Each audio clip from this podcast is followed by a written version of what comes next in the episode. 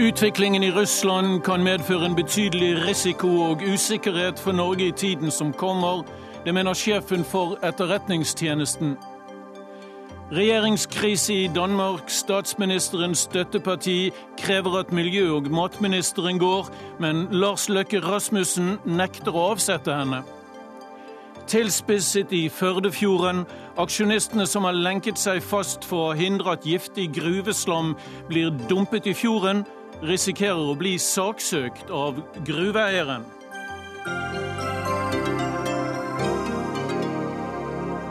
Er Dagsnytt 18, hvor vi også skal ta for oss kortreist mat.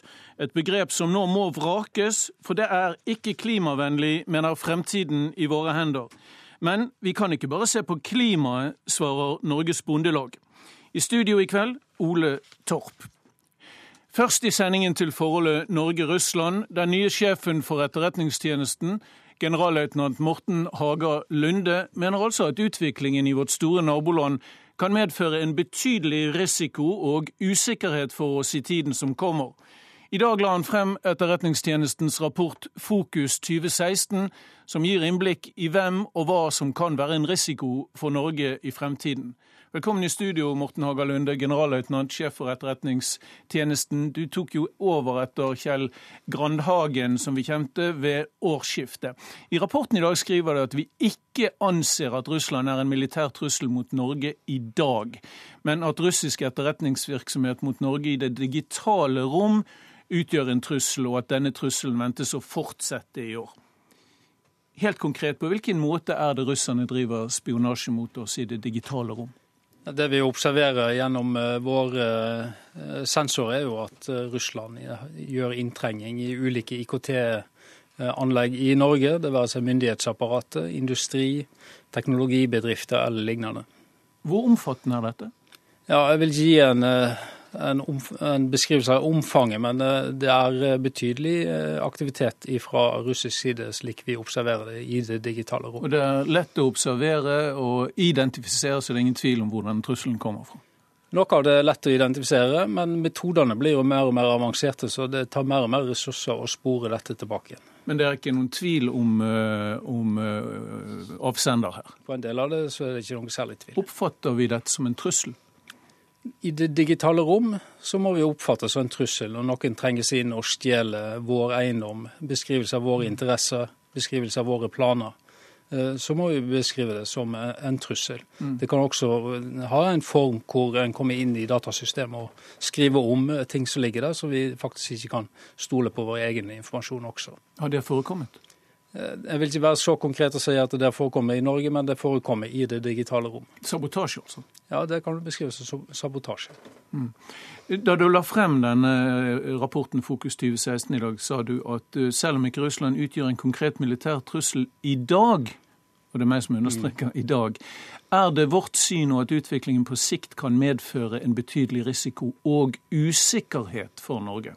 Ja, Hva er det vi skal være forberedt på? Ja, Der var det et ord til. Potensiell usikkerhet. Ja, altså... ja, så, så, det ligger en del for, forbehold her, men forbeholdene bygger på og det bygger på vår usikkerhet, på den uforutsigbarhet som vi ser i Russland i dag.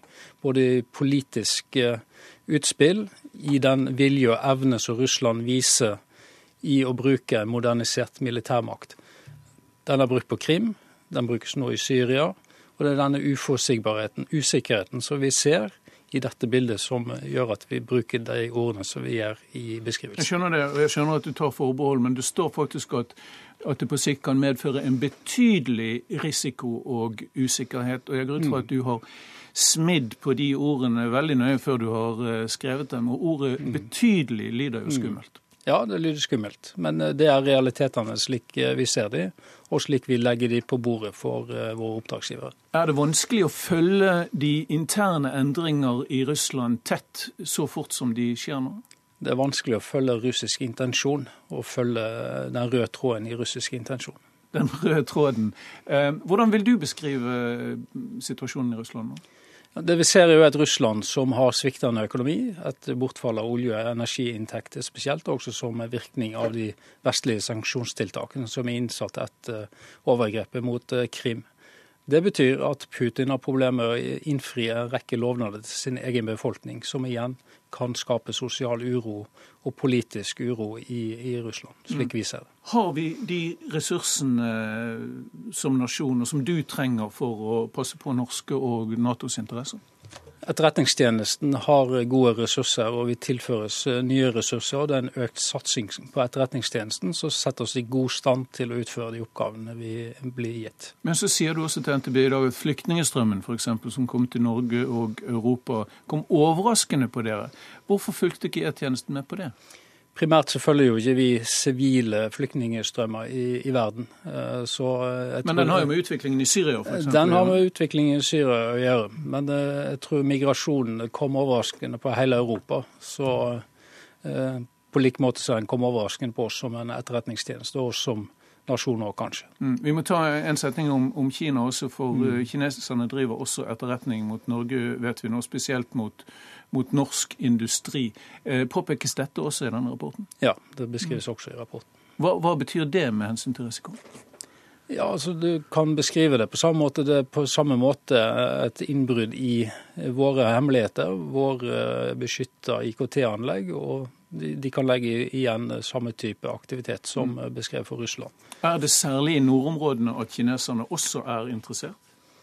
Vi ser jo kinesisk aktivitet i nordområdene, men den er ikke noe utprega eller noe særlig annerledes enn andre. Men de har aktivitet i, i nordområdene. Ok.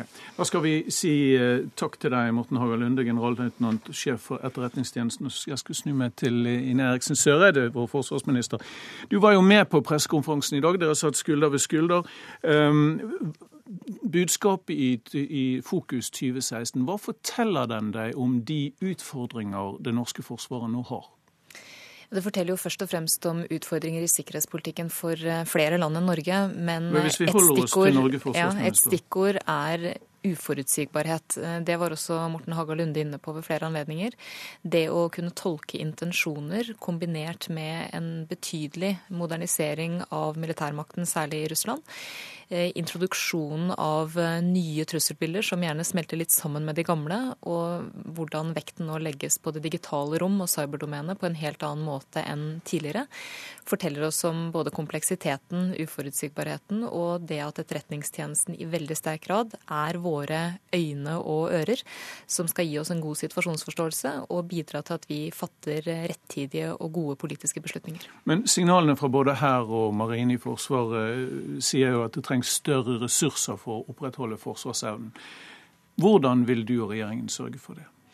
Ja, Nå dreier jo dette seg om Etterretningstjenesten eh, primært, og det produktet de leverer. De har for 2016 blitt styrka med 370 millioner kroner. og Det er jo både for å kunne fortsette å drive gode analyser, og også kunne følge med på den teknologiske utviklinga. Men det er vel ikke helt har... separert fra hverandre? Nei, men dette dreide seg jo primært om det produktet som Etterretningstjenesten leverer. Så har regjeringa i tillegg økt eh, forsvarsbudsjettet med 9,4% for 2016. Og vi kommer til å fortsette å styrke Forsvaret. Det er viktig, fordi vi skal kunne ha både god situasjon situasjonsforståelse og evne til å reagere dersom noe skjer.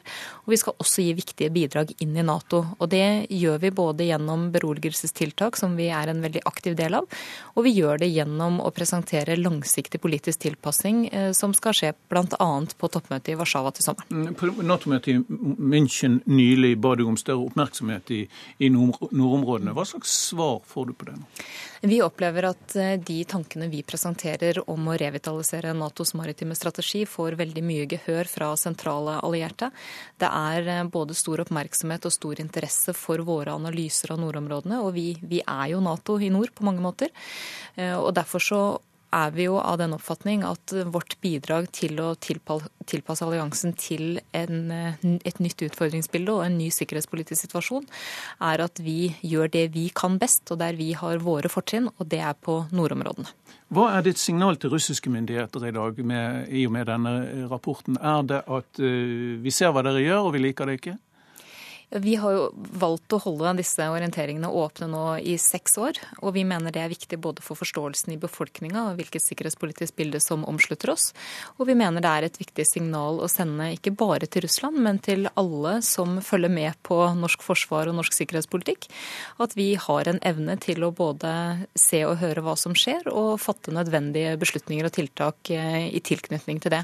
Og jeg mener, og det er jeg jo ikke aleine om å mene, at det er viktig at vi fortsetter i den situasjonen vi er nå, å behandle naboskapet med Russland med fasthet og forutsigbarhet. At vi opprettholder det som er vår normale aktivitet.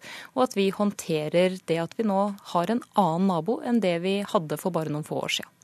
Takk skal du ha, forsvarsminister Ine Eriksen Søreide. Takk også til Morten Haga Lunde, som er ny sjef for etterretningen.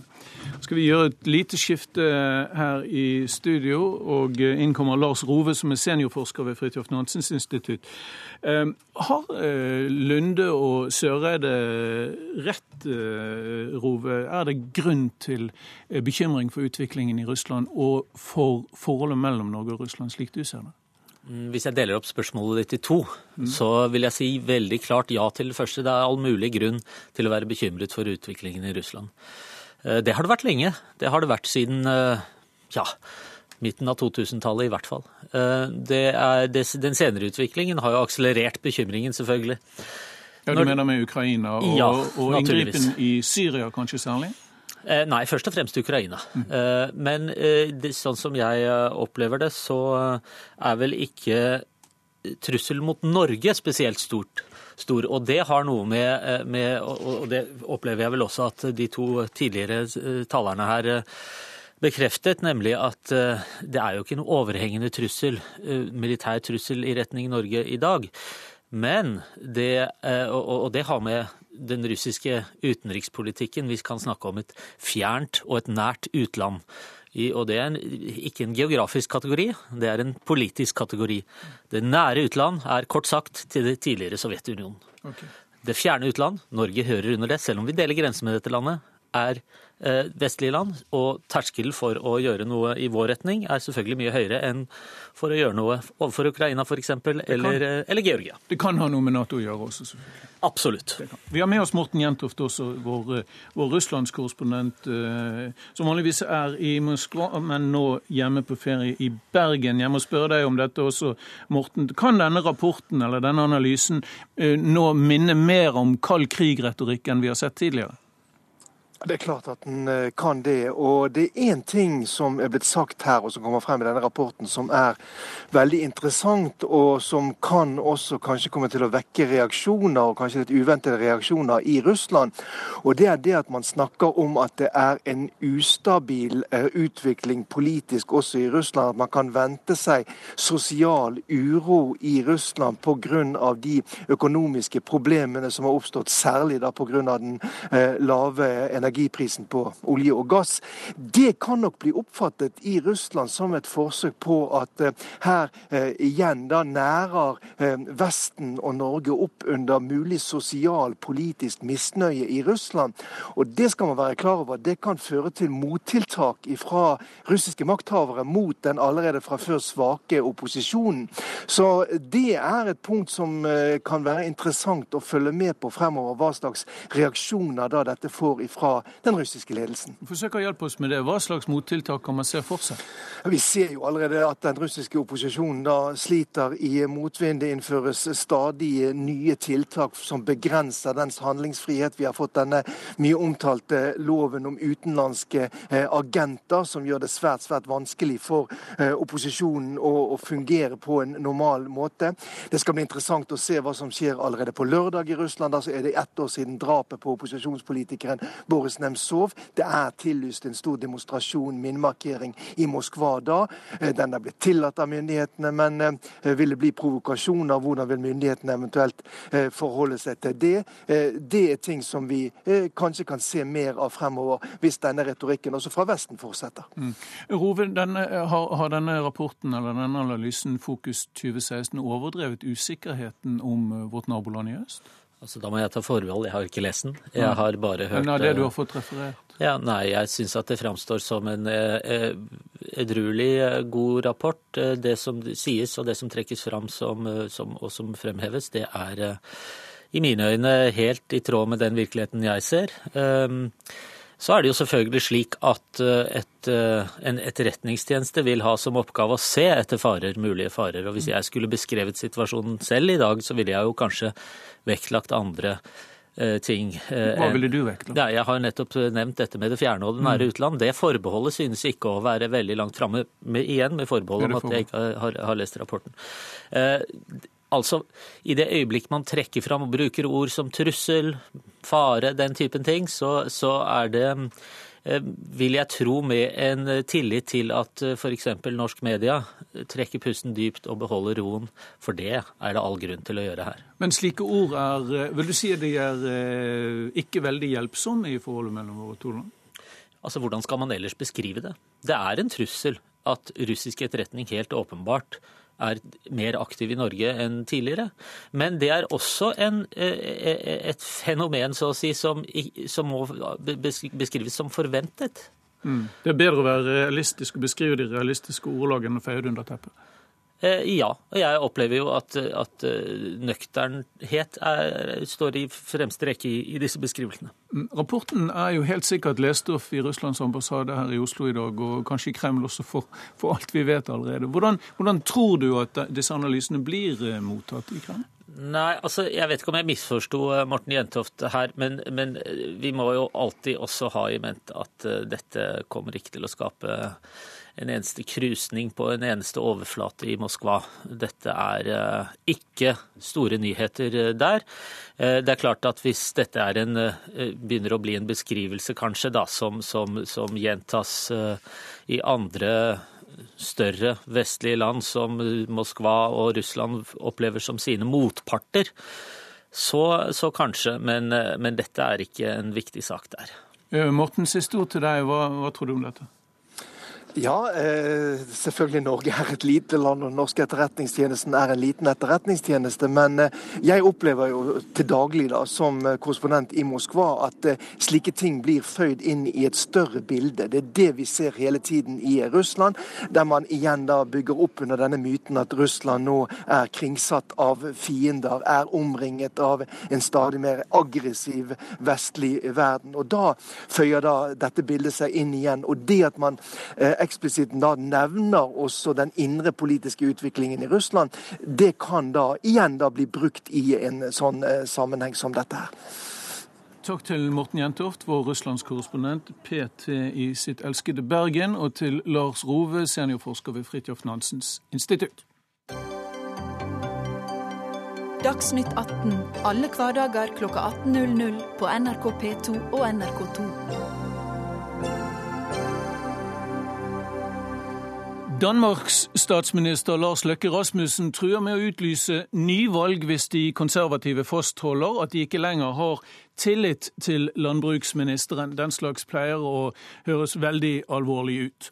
Regjeringens støtteparti, de konservative, har sagt at de ikke lenger har tillit til miljø- og matministeren, det er nå regjeringskrise i Danmark. Nå i ettermiddag kalte statsministeren inn til møte med de borgerlige partiene for å hindre at regjeringssamarbeidet rakner. NRKs reporter Petter Auli Hauge er i København. Eh, Petter, hva skjer der nå i den danske hovedstaden? Ja, dette møtet, dette krisemøtet må vi kunne kalle det, på borgerlig side i København er eh, avsluttet eh, for kort eh, tid siden. Lars Løkke Rasmussen kom ut og kommenterte kort i etterkant. Han sa det var et konstruktivt møte som hadde foregått i en positiv tone. De borgerlige partiene er nå enige om å prøve å lage en tilleggsavtale til denne landbrukspakken som har skapt mye av dette oppstyret bystyret. Lars Løkke Rasmussen skal eh, lede forhandlingene eh, om dette. De starter eh, i morgen, men han svarte ikke på spørsmål som alle stiller seg her i Danmark i dag. Hva skjer med Eva Kjær Hansen? Han, Løkke Rasmussen, vil ikke sparke han, men den konservative partilederen som også deltok på møtet, sa etter møtet at de fortsatt ikke har tillit til henne. Kan du, kan du kort gi meg en skisse over hva som har utløst uh, dette spetakkelet på borgerlig side? Dette startet jo i går, da denne landbrukspakken skulle vedtas i Folketinget. Det var en høring om denne pakken. I etterkant så uttrykte de konservative, som er altså et støtteparti til Venstre som sitter i regjering, de uttrykte mistillit til, til mat- og miljøminister Eva Kjær Hansen. De mener at hun har eh, gitt eh, feil opplysninger til Folketinget, ført Folketinget bak lyset. Eh, dette kom som en bombe på statsminister Lars Røkke Rasmussen. Det sa han i, i dag. I går så forsøkte ja, øh, jeg tror kanskje vi mistet øh, Petter Auli Hauge der fra København, men, men, vi har likevel med oss Magnus Takvam, vår politiske kommentator, her i studio. Høres ut som de har laget seg et døgn eller så med fred og går i gang med forhandlinger mellom de konservative partiene nå? Ja, Sånn som jeg oppfatter det, så er regjeringskrisen avblåst inntil videre. Som vi hørte her, så er de blitt enige om å bruke noen dager nå på å Eh, forhandle fram en eh, tilleggspakke til denne store landbrukspakken eh, som skal vedtas for øvrig i Folketinget i morgen.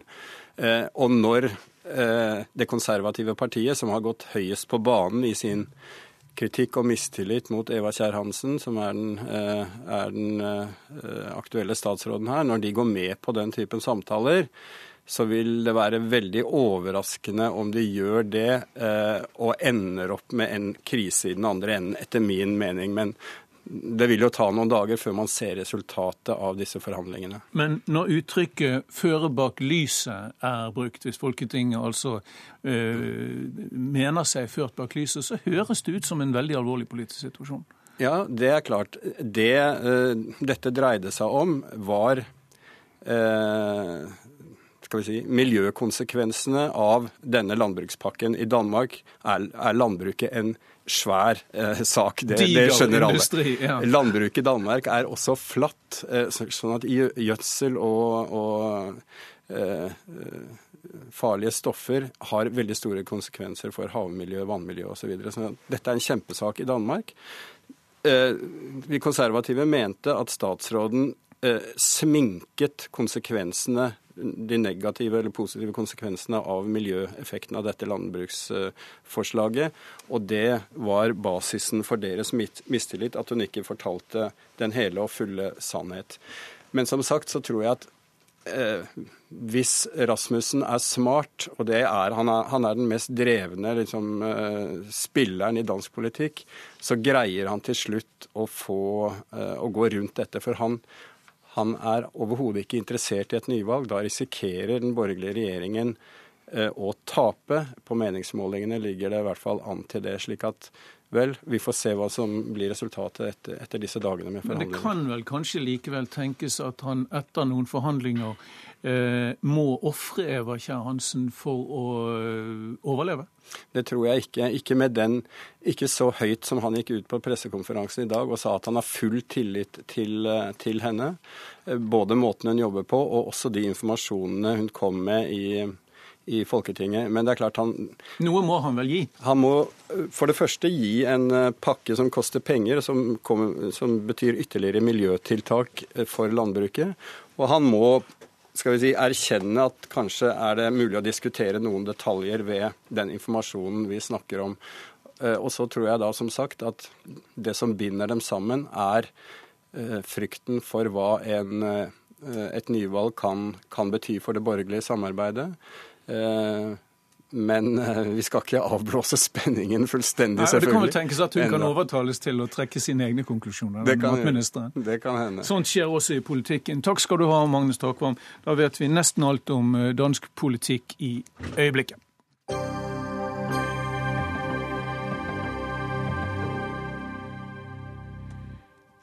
Etter tre uker med aksjoner for å hindre at Nordic Mining tømmer overskuddsmasse fra gruven i et deponi i Førdefjorden i Sogn og Fjordane, risikerer nå de som har lenket seg fast der, til å, de risikerer å bli saksøkt. Aksjonistene gjør motstand mot planene om å dumpe hele 250 millioner tonn giftig gruveslam i den nasjonale laksefjorden. Ingrid Skjolve, velkommen hit, leder av Natur og Ungdom, og en av aksjonistene, så vidt vi forstår, eh, som kjemper for Førdefjorden. Hvordan reagerer du på utsiktene til å bli saksøkt av gruveselskapet?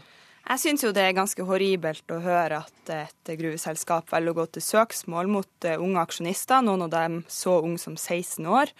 Um, og jeg syns det er en uting det at man skal straffe aksjonister som av personlig overbevisning har prøvd å stanse dette prosjektet, som regjeringa ikke virker å evne å stoppe sjøl. Men de protesterer altså ved å lenke seg fast mot et lovlig fattet vedtak?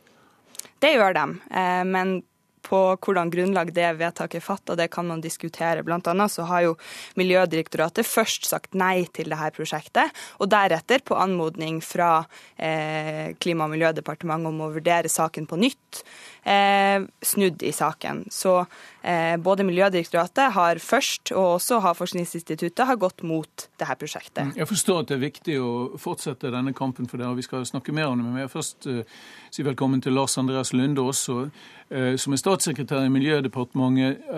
Uh, 250 millioner tonn uh, giftig gruveslam i en nasjonal laksefjord, uh, Førdefjorden, har status som det. Det er nesten ufattelig store mengder og høres for en amatør ikke ut som god miljøpolitikk. Dette er noe som har vært vurdert veldig grundig gjennom lang tid. Vi har hatt en grundig, grundig vurdering av konsekvensene av å gi utslippstillatelse i, i Førdefjorden, både av Miljødirektoratet og av faglige myndigheter. Og først har da Klima- og miljødepartementet funnet at det er grunnlag for å gi utslippstillatelser, men med svært strenge miljøkrav og svært strenge krav også til overvåkning fra bedriftens side for å sørge for at disse miljøkravene blir overholdt. Eh, så har eh, miljøbevegelsen, bl.a. Natur og Ungdom, klaget denne avgjørelsen inn for regjeringen, og, og regjeringen har funnet at det ikke kommet frem noen nye fakta i saken som tilsier en annen konklusjon enn det Klima- og miljødepartementet kom til, nemlig at, det, at eh, selskapet skal få utslippstillatelse, men under svært strenge eh, miljøkrav og strenge krav til overvåking. 250 tonn giftig slam eh, og likevel strenge miljøkrav? Ja, eh, vi har vurdert at dette medfører begrensede eh, miljøkonsekvenser. Noen miljøkonsekvenser vil alltid være det ville være av enhver industriell virksomhet.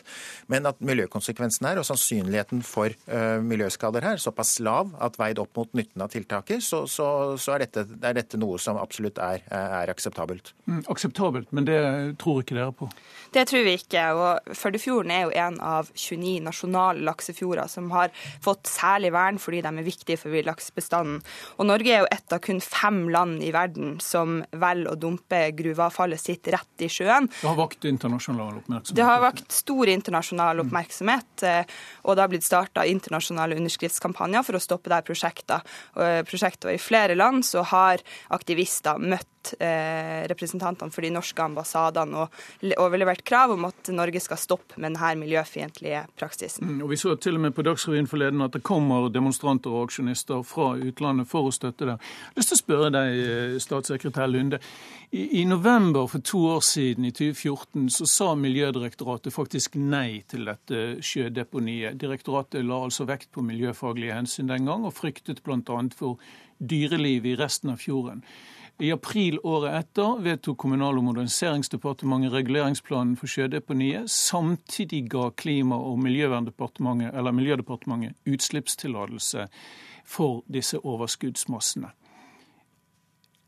Er du helt sikker på at ikke direktoratet ble overtalt til å forandre mening? Ja, det er jeg helt sikker på. Og så må jeg bare korrigere her. Når det gjelder utslippstillatelsen, så har den hele tiden vært i tråd med de faglige anbefalingene fra Miljødirektoratet. Det som du... regjeringen har funnet, det er i tråd med anbefalingene fra Miljødirektoratet. Det jeg tror du blander inn her, er, er, er selve innsigelsen til reguleringsplanen, som Men... er en annen, annen, annen, sak av behandlingen. Etter, Men du er enig i at det var en 180 graders uh, vending her? Nei, det, det, var det ikke. Uh, I det første svaret på innsigelsen så sa Miljødirektoratet at det kunne være muligheter for at fire bunnfiskerslag kunne bli negativt påvirket. Utryddet, var det Nei, nei kunne, man kunne risikere at man ikke nådde de forvaltningsmålene man hadde. Men, men, det er ingen fare for bestandenes overlevelse. Den lever jo også andre steder enn i, enn i Førdefjorden.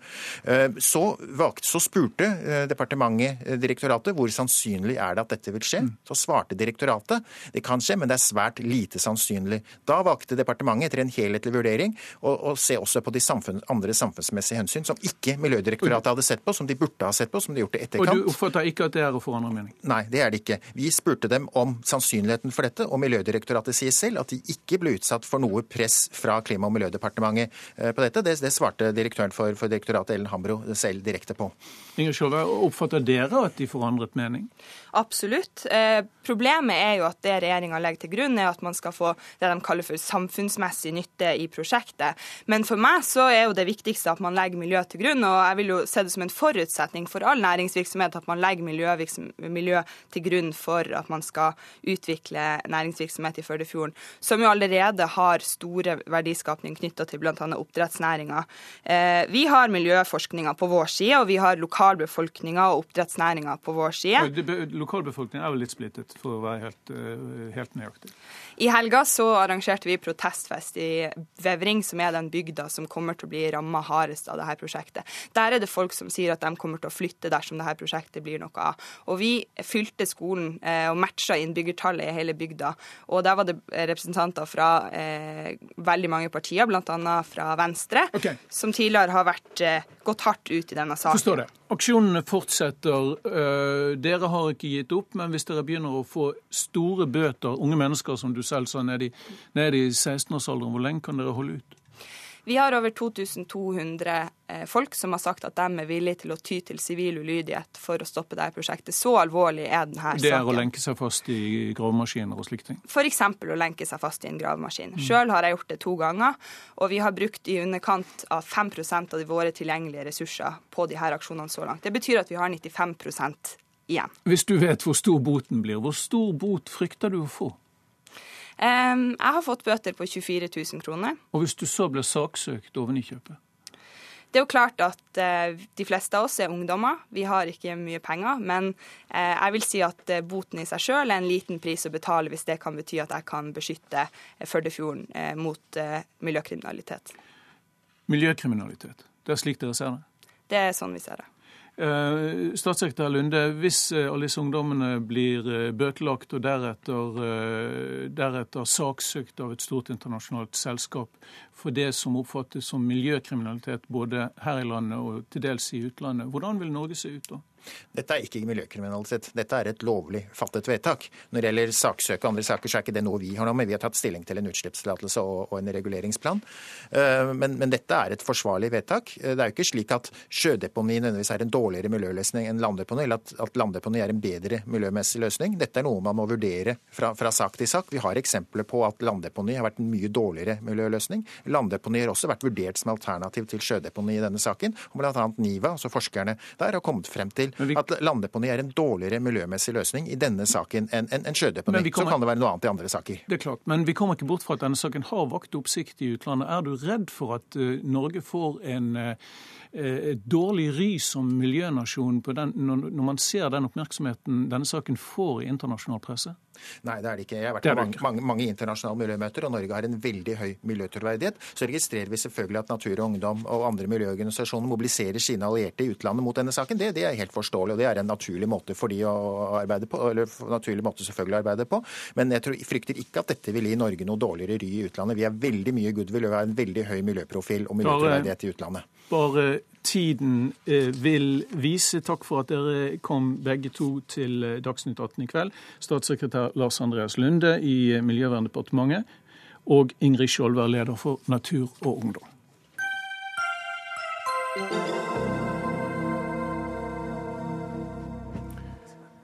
For første gang har en norsk restaurant i dag fått tre stjerner i den franske såkalte Michelin-guiden.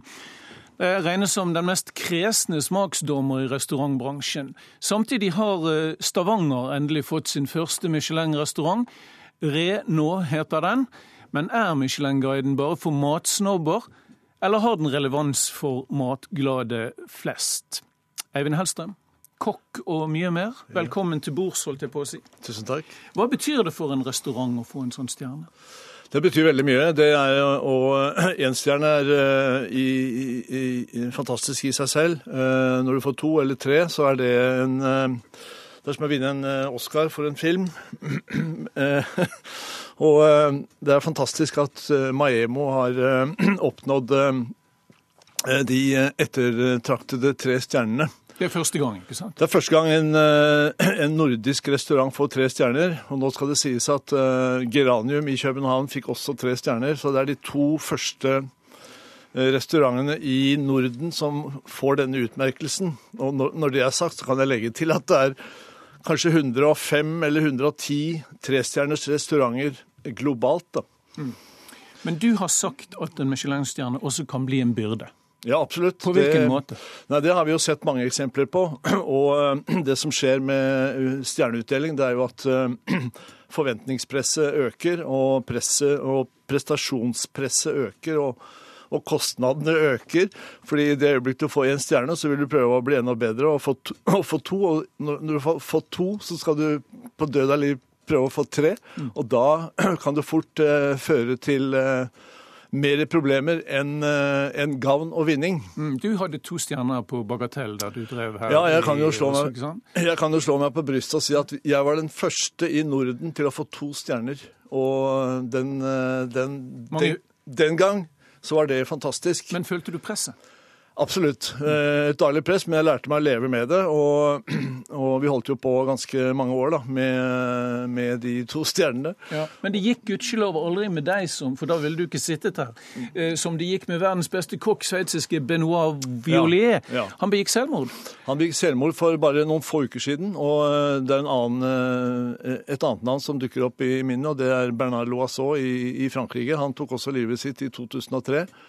Og uh, mange og det, mener at Og det kan føres tilbake til uh, ja, ikke, ikke, Jo, men det er presset. Og det er OK, når demonene fester seg i, uh, i alt dette prestasjonsjaget i livet, så, så, så jeg sier Når demonene fester seg og tar over, så begynner det å bli skummelt. da. Mm. Selv om det kan være god mat, så kan det være usunt for kokken. Det er det du, Absolutt. Det du sier. Vi har med oss på Skype André Blomberg Nygaard, som er restaurantkritiker i VG. Eh, er, jeg har lyst til å spørre deg, er Michelin-guiden det endelige svar på hvor man bør gå for å få god mat? Ja, Nå tror jeg etter hvert det er flere steder å henvende seg eh, for å få den informasjonen. Eh, det finnes et utall lister, og eh, de ulike landene har ulike restaurantkritikere som meg selv. Og jeg tror også for de byene som tør seg forbigått igjen i år, og som lokalpatriot, må jeg jo da nevne Bergen. Som, ble, som ikke ble Det ble ikke noe stjerne i Bergen i år. Nei, men dere kom på forsiden av guiden. Ja, altså De fikk jo ikke være med i år, men jeg tror jo fortsatt at det er viktigere for de å få seks, eh, terningkast seks i Bergens Tidende enn i Michelin-guiden. Mm, eller i VG. ja, det får vi se på. men, men, er det alltid verdt prisen? Det er jo relativt dyre restauranter og jeg holdt på å si små porsjoner. Jeg jeg syns vel at eh, folks eh, evne til å gripe til dette begrepet om at de var sultne når de gikk, har en tendens til å øke med prisen. Jeg er ikke sikker på at det alltid er riktig at man eh, er mer sulten dess dyrere det blir. Men vi har vel en oppfatning av at vi skal bli enda mer stappmette dess mer vi spiser. Ehm, så er det restaurantens oppgave å få mest mulig penger ut av de setene de har. Og så er det min oppgave å si ifra når det er uforskammet dyrt. Og så får vi prøve å finne en balanse imellom der, tror jeg. Du sa jo såpass kraftig fra for et par år siden at det var vel flere restauranter i Oslo som ikke ville ha deg ved sitt bord, eh, hvis jeg ikke tar feil. Hvor mange restauranter var det? Du, Det vet jeg ikke. Jeg har hørt det referert, men jeg har aldri blitt eh, nektet noe sted. Jeg tror det var titalls. Men det fører meg frem til spørsmålet om, om, om dette stresset ved å drive prestisjerestauranter eh, fører til at, at man kanskje har vanskelig for å tåle kritikk?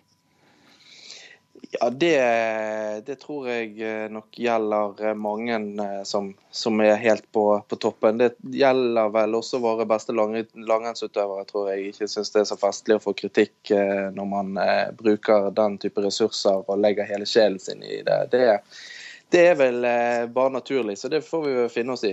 Øyvind Hellstrøm, du er jo vant til å i hvert fall gi kritikk, men tålte ja. du kritikk da du drev ja, restaurant? Eller si... kom, du, kom, du, ut med kjøkkenkniven da? Jeg har tatt imot mye kritikk, og jeg har vært utrolig god på å gi kritikk i forhold til uh, mangel på uh, entusiasme og uh, ikke minst fantastiske råvarer i, som, som enhver stjernerestaurant er helt avhengig av. Mm. Fordi én ting er at kokken kokken kan fremstå som et geni, men en helt annen ting er at det må være et råvaregrunnlag som eh, nettopp eh, både rettferdiggjør priser og, og, og gjør maten eh, til noe ekstraordinært. Og, slik at man er villig til å betale de tusenlappene det koster å gå på Noma eller Maiemo. Mm uh, i dag. Og, Men du, la meg bare stoppe deg der. 22 danske restauranter har, eh, ja. har Michelin-stjerne. Svenskene har 24. Ja. Her i Norge er det bare fem. Hyggelig ja. i dag med jo, jo. norsk restaurant, men, men, men hva er årsaken til det? Nei, det er flere årsaker til det. og Nummer én så vil jeg si at vi er stadig vekk ikke noe stort matland. Vi har, en, vi har, et landbruk som først og fremst Eh, setter volum og foran kvalitet. og det, det, altså det er ikke lagt til rette for noe stor eh, økologi i landbruket. Og vi mangler stadig vekk de fantastiske råvarene. fordi når jeg skal gå på en topprestaurant, så vil jeg ha det genuine, det som jeg ikke finner i dagligvare. Og det er på mange måter det som Maemo har klart, da. Men man begynner å bli litt lei av å få kyllingskinn og andehjerter Eh, og ekstremt små porsjoner okay. Eh, i, i, i, i, det lange løpet. Fordi eh, det det dreier seg om i stjernesammenhengen, det er at man klarer å fornye seg hele tiden. Mm. André Blombø Nygaard med oss fremdeles. Klarer denne guiden, denne Michelin-guiden å, å, fange opp gode matopplevelser som faller utenfor den tradisjonelle fin restaurant-definisjonen? Ja, Det syns jeg de har vært eh, flinke til å eh, tilpasse seg etter hvert. De var veldig flinke når de dro til Tokyo og eh, forsto seg på den japanske kulturen. De har vært ganske flinke å få med seg den nye nordiske retningen. Så jeg syns det fungerer relativt bra. Jeg tror vi kanskje mer på det litt rimeligere segmentet at de har problemer der. De har jo også disse Bib Gourmanene som skal være restauranter med god mat til en rimelig penge. Og sånn som vi spiser i dag med mye små deleporsjoner og sånn, er jeg ikke sikker på at guiden har klart helt å få det til å passe inn med sitt budsjett. Men nå har de jo fått med seg Smalhans, som jeg syns vi skal nevne her i Oslo, som er en sånn restaurant som gjør det på den måten. Og så får vi håpe at de etter hvert eh, plukker opp flere av de. De må bli flinkere til å plukke opp uh, husmannskost også, kanskje? Ja, absolutt. Altså, det er jo de, eh, de, daglige, eller de stedene man går på, har lyst til å gå på én og to ganger i uka, som er de spennende stedene. og Maemo er et eh, sted som er, eh, blir som en opera, og det gjør man kanskje én eh, eller to eller tre ganger i livet. Mm. Takk skal dere ha. Vi skal ikke sause dette til mer. Eivind Hellstrøm og André Blomberg Nygaard. Hør Dagsnytt 18 når du vil. Radio NRK Radio.nrk.no. Justisdepartementet truer med å kutte støtten til Jussbuss hvis de fortsetter å drive rettspolitisk arbeid, som det heter. Dette minner om sensur, mener Jussbuss. Ja, um, Hanne Hareide Skårberg, eh, daglig leder i Jussbuss. Eh, sensuranklagene begynte å hagle her. Hva, hva kommer det av? Eh, det vi mener her, er at dette går veldig sterkt utover klientene våre. Eh, vi behandler jo 5000 saker, mer enn det, i, i, løpet av et år. Vi får henvendelser først og fremst fra, fra ressurssvake mennesker som er lavtlønnede og eh, sliter på mange områder, har store rettslige problemer. F.eks. fanger, nyankomne flyktninger, gjeldsofre osv.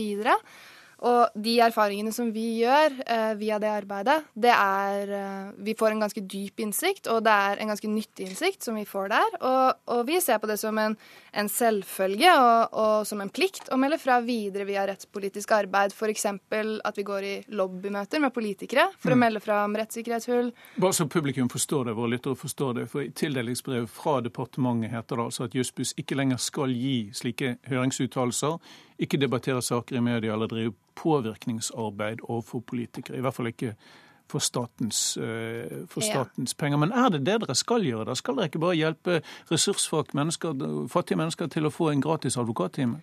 Eh, nei, Det som er viktig her, er å ikke skille for sterkt mellom juss og politikk. Det er jo sånn at Vi kan hjelpe 100 eh, mennesker, 100 klienter, med samme juridiske spørsmål. Og vi kan sende 100 brev til en forvaltningsinstans og få 100 negative eh, avslag tilbake.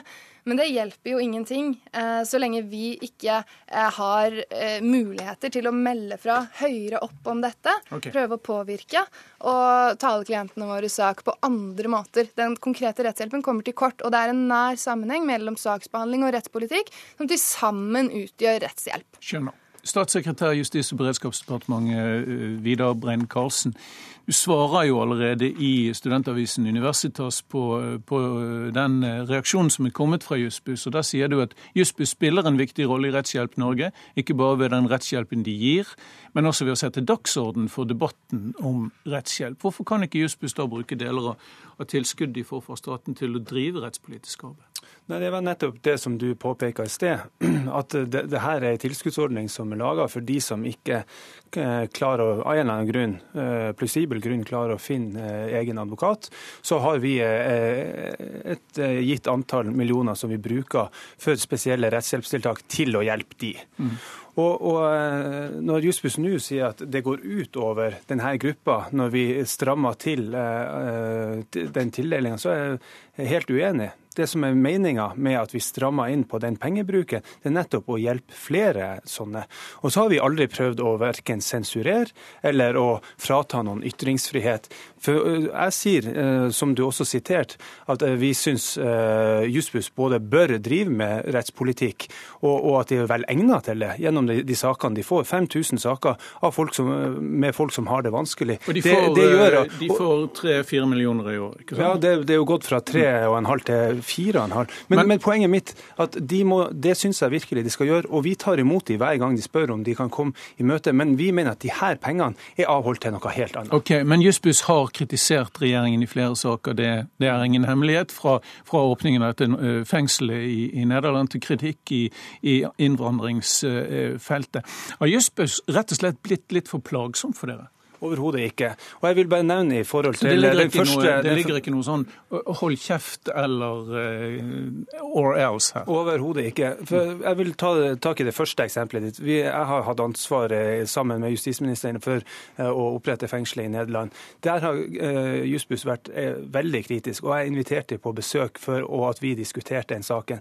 Så blir vi ikke nødvendigvis enige, men, men vi prøver slett ikke å få de til å la være å ytre seg. Det, vi invitere dem hver gang de ønsker å gjøre de det. Opp, men, men de her... oppfatter det som en knebling? Jo, jeg hører jo at de sier det.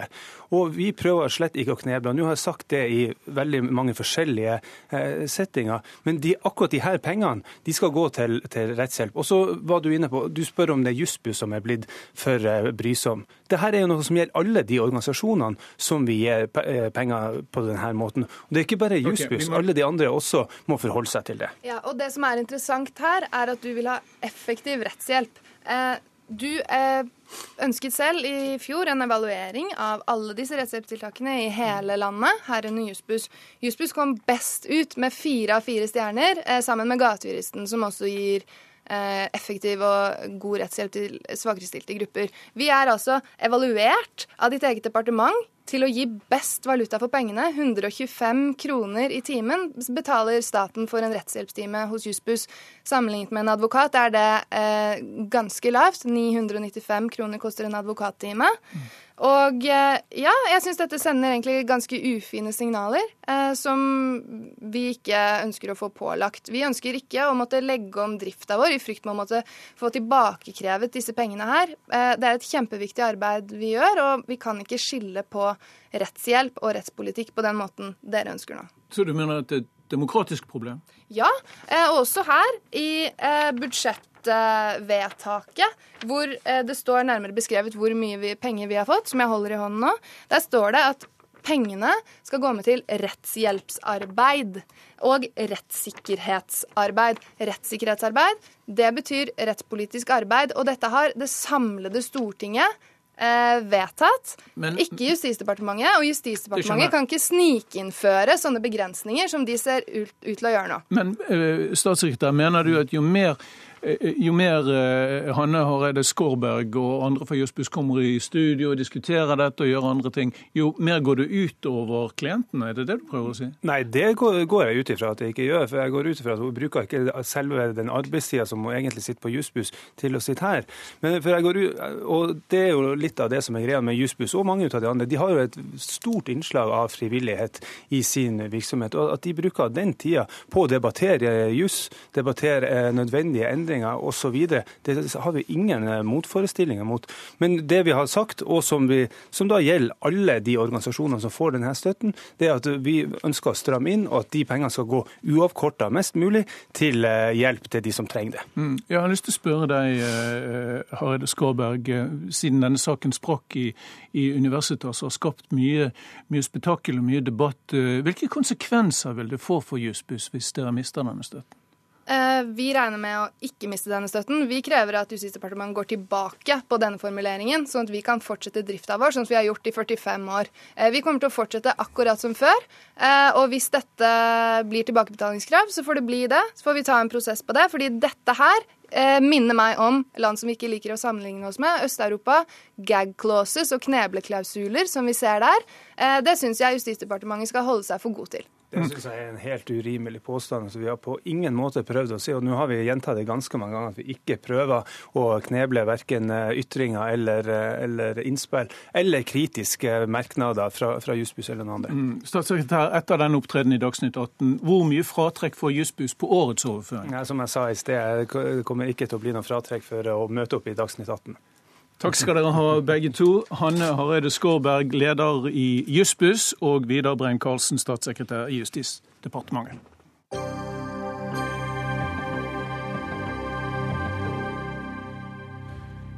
Den som trodde at eh, lokalprodusert kjøtt og grønt er bedre for klimaet enn importert mat, må nå muligens tro om igjen. Mange av de kortreiste matvarene er tvert imot dårligere for miljøet enn maten vi henter fra utlandet. Det hevder både Fremtiden i våre hender og Nyt Norge, med base i ny forskning. Arild Hemstad, leder i eh, Fremtiden i våre hender. Eh, Hva er galt med kortreist mat? Altså, eh, nå har vi, Rett før vi gikk i studio, så har vi eh, tatt en opptelling i bruken av begrepet kortreist mat. Eh, det har eksplodert. I fjor så ble det referert 1500 artikler i mediene som handlet om kortreist mat. Samtidig så ser vi at når vi spør folk, opinion har gjort det, så sier 71 eh, av forbrukerne at kortreist mat er lik miljøvennlig mat.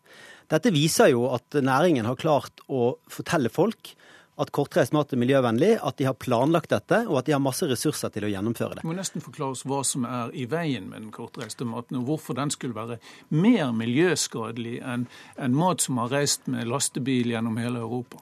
Eh, Hvis du tar en, en eh, middagstallerken med litt kjøtt og litt poteter og litt forskjellige ting, så er 95% av utslippene de kommer fra den maten sin produksjon. Resten, altså de 5 prosentene, det er transporten. Eh, Og i miljøsammenheng så blir liksom transport den store synderen, eh, mens det er faktisk eh, hva du har på tallerkenen din er mye mer viktig enn hvor denne maten kommer fra opprinnelig. Ok, La meg også forsøke å skyte inn her at det handler, veldig mye om elektrisitetsbruk i drivhus osv. Så, vidt jeg har forstått av denne Um, Asplan Viax-forskningen. Fordi at de fyrer om natten og åpner om dagen. Det handler veldig om motsetning til eh, spanske tomater som står ute døgnet rundt. Ja, I Spania har de litt høyere temperatur enn i Norge, så i Norge så bruker vi da fossil gass som oppvarmingskilde for å produsere tomater hele året. Det er ikke en spesielt god idé. Men så er det også sånn at noen av de varene som blir fremstilt som kortreiste og miljøvennlige, det er noe av det minst miljøvennlige du kan spise. F.eks. biff. Eh, Selv om den er norsk, så er den også av en skyhøy utslipp. Og det samme gjelder dessverre også norsk ost. Sånn at Fordi, man, at, man fordi at dyrene spiser kraftfôr som er For eksempel, og de, det er en del utslipp knyttet til det. Men problemet er at forbrukerne blir altså forvirret, og vi skulle ønske at Bondelaget var med på å opplyse Ja, forbrukerne. men nå skal vi gå til. Bondelaget og la dem opplyse allmennheten. Bjørn Gimming, du er, du er styremedlem der. Har dere villedet eh, forbrukerne til å tro at lokal mat er bedre for omgivelsene enn eh, kjøttet fra Argentina og eh, tomatene fra Spania? Nei, eh, jeg er mest opptatt av den matproduksjonen vi har i Norge skal være klima- og miljøvennlig. Og det er den eh, i veldig mange tilfeller. Norsk eh, melk- og storfekjøttproduksjon er blant de mest klimavennlige i verden, med bare halvparten så store utslipp som verdensgjennomsnittet. Når det er sagt, så kan vi bli enda bedre. En rapport som ble fremlagt i forrige uke viser at vi kan kutte utslippene enda mer. Det vil gi oss en, en matproduksjon som er utrolig klimasmart, og som vil være etterspurt internasjonalt. Vil, vil gi etter hvert, for dere erkjenner at kortreist mat nå kan ha høyere utslipp av klimagasser enn en mat vi importerer. F.eks. tomatene fra Spania. Kortreist, kortreist, mat er et honnørbegrep som gir forbrukeren kunnskap og uh, kontroll over hvor maten er produsert. Men er det også et uttrykk som kaster blår i øynene på folk? Nei, det tror jeg ikke. For eh, når for, forbrukeren uh, kjøper et uh, fenalår som er produsert av en bonde på Voss eller i Valdres, så har den en helt annen mulighet til å finne ut hvordan det lammet har hatt det fra det ble født til det havner i butikkdisken, kontra en, en anonym kjøttbit som er pakket i plast som du ikke aner hvor i verden kommer ifra. En skummel kjøttbit fra utlandet? Ikke nødvendigvis skummel, men norsk produksjon har mye mindre klimagassutslipp enn i verdensgjennomsnittet. Og mye av det storfekjøttet vi importerer i dag, det har betydelig høyere klimagassutslipp enn det norske. Mm. Men Hemstad, mener dere da at vi bør slutte med landbruk i Norge og bare importere? Det mener vi ikke, men vi mener at å fortelle folk at kortreist mat er miljøvennlig, er en veldig dårlig idé. Vi vil gjerne at Bondelaget blir med på en merking av hvor klimavennlig et kjøttstykke er, f.eks., eller en ostebit. Da ville du kunne få frem forskjeller mellom Norge og utlandet, som faktisk går begge deler. Det går begge veier. Det er også noen land vi importerer fra som har lavere utslipp. Så merking er veien å gå? Men det kanskje... Klimamerking syns vi at Bondelaget burde bli med på. Men er det det første som burde skje, eller burde man legge om jordbruket på en måte som, i den grad det er mulig, som gjør det, altså, som gjør det bedre? For å ta fenalåret fra Voss eller fra Setesdalen. Det i utgangspunktet som er problemet med det fenalåret, er at du aner ikke hva dette lammet har spist. Og Det betyr at de kan gjerne ha spist for eksempel, altså De spiser mye kraftfôr, også sauene. Nå er ikke sauen den verste. Men, men unnskyld men man vet like lite om det lammelåret fra Spania som man vet om lammelåret fra Setesdal. Ja, det, det ser, man ikke bort fra. Men hvis du importerer f.eks. kjøtt fra noen steder, så kan det være at de har spist lokale beiteressurser. Det er ikke utenkelig. F.eks. afrikansk kjøtt kan, kan, ha det elementet. I Norge så har du ikke noe opphavsmerking på hvor dette kraftfôret kommer fra. Vi vet at vi importerer mer og mer korn for å, kraft, for å lage kraftfôr i Norge. Eh, og også mengdene med soya som vi importerer fra, fra Brasil, er også økende. Og og Det er jo det som er det store problemet. Og når man ikke forteller når man forteller forbrukerne at dette er et kortreist lam, så har man ikke sagt noe om hva dette lammet har spist. Og hvis det ikke er spesielt men kortreist De har ikke sagt alt om, om, om lammet? Nei, og, men vårt hovedpoeng er jo også at til forbrukeren, hvis vi skal opplyse forbrukerne om hva som er best for miljøet, så er altså det å spise mindre kjøtt noe av det mest effektive du kan gjøre for å bidra til bedre den, klima. Og der kom den, Bjørn Gimmi. Vi må spise mindre kjøtt, og vi må spise spanske tomater eller lam fra Spania som spiser uh, sunnere fôr enn dere gir dem. Det siste ikke er sikkert. Jeg er nok Som bonde så er det ikke min oppgave å fortelle forbrukeren hva han skal spise. Jeg er mest opptatt av at det jeg produserer skal jeg gjøre på en mest mulig klimasmart måte. Og som jeg nevnte tidligere, så er vi allerede godt i gang, og vi kan bli enda bedre. Så det er, det er, min ambisjon for, å, for norsk matproduksjon. Men, men, men, fremtiden i våre hender, hvis jeg oppfatter det riktig, oppfordrer altså klimaengasjerte forbrukere, og det blir stadig flere av dem, får vi tro og håpe, til å redusere kjøttinntaket, velge spanske tomater og dyrke egne poteter i hagen. Hva sier dere til det? Det er lett å dyrke poteter? Poteter er nok det enkleste du kan dyrke omtrent, ved siden av gulroter og løk. Det oppfordrer jeg flest mulig til å gjøre. Men utover det så tror jeg det viktige er også, også uh, gjøre produksjon som vi allerede har, som er bra, enda bedre. Og det er helt klart vår målsetting. Men er det slik at dere må drives fra skanse til skanse? Hver gang en, en presseorganisasjon som Fremtiden i våre hender kommer, så sier dere at OK, vi skal kanskje begynne å merke bedre, eller OK, vi kan kanskje begynne å gi, gi dyrene sunnere fôr? Nei, altså jeg synes eksempel på... Vil bøndene være i forkant på den? Bøndene vil være i forkant. Vi er vært i forkant allerede. Altså, Norsk storfenæring har holdt på i 60 år med å, å avle fram en rase som har eh, utnytter fôret veldig godt, som har god dyrehelse, som er fruktbare og som er etterspurt i hele verden. det, det, gir en veldig klimavennlig produksjon som er veldig etterspurt. Der er norske bønder og norsk landbruksnæring helt, helt, klart i forkant. Og Hemstad, helt til slutt, Vi skal jo ikke gå ut av dette studiet og late som om norske landbruksprodukter er eh, helt forferdelige. Det skal vi på ingen måte gjøre. Men jeg er bekymret for at landbruket ikke er klar for den omstillingen som kommer når folk vil spise mindre kjøtt og også bli mer opptatt av miljø. Da må man ikke henge fast i de feile begrepene, sånn som, sånn som landbruksnæringen nå har gjort. Takk skal dere ha, Arild Hemstad, leder av Fremtiden i våre hender, og Bjørn Gimming, som er styremedlem i Bondelaget.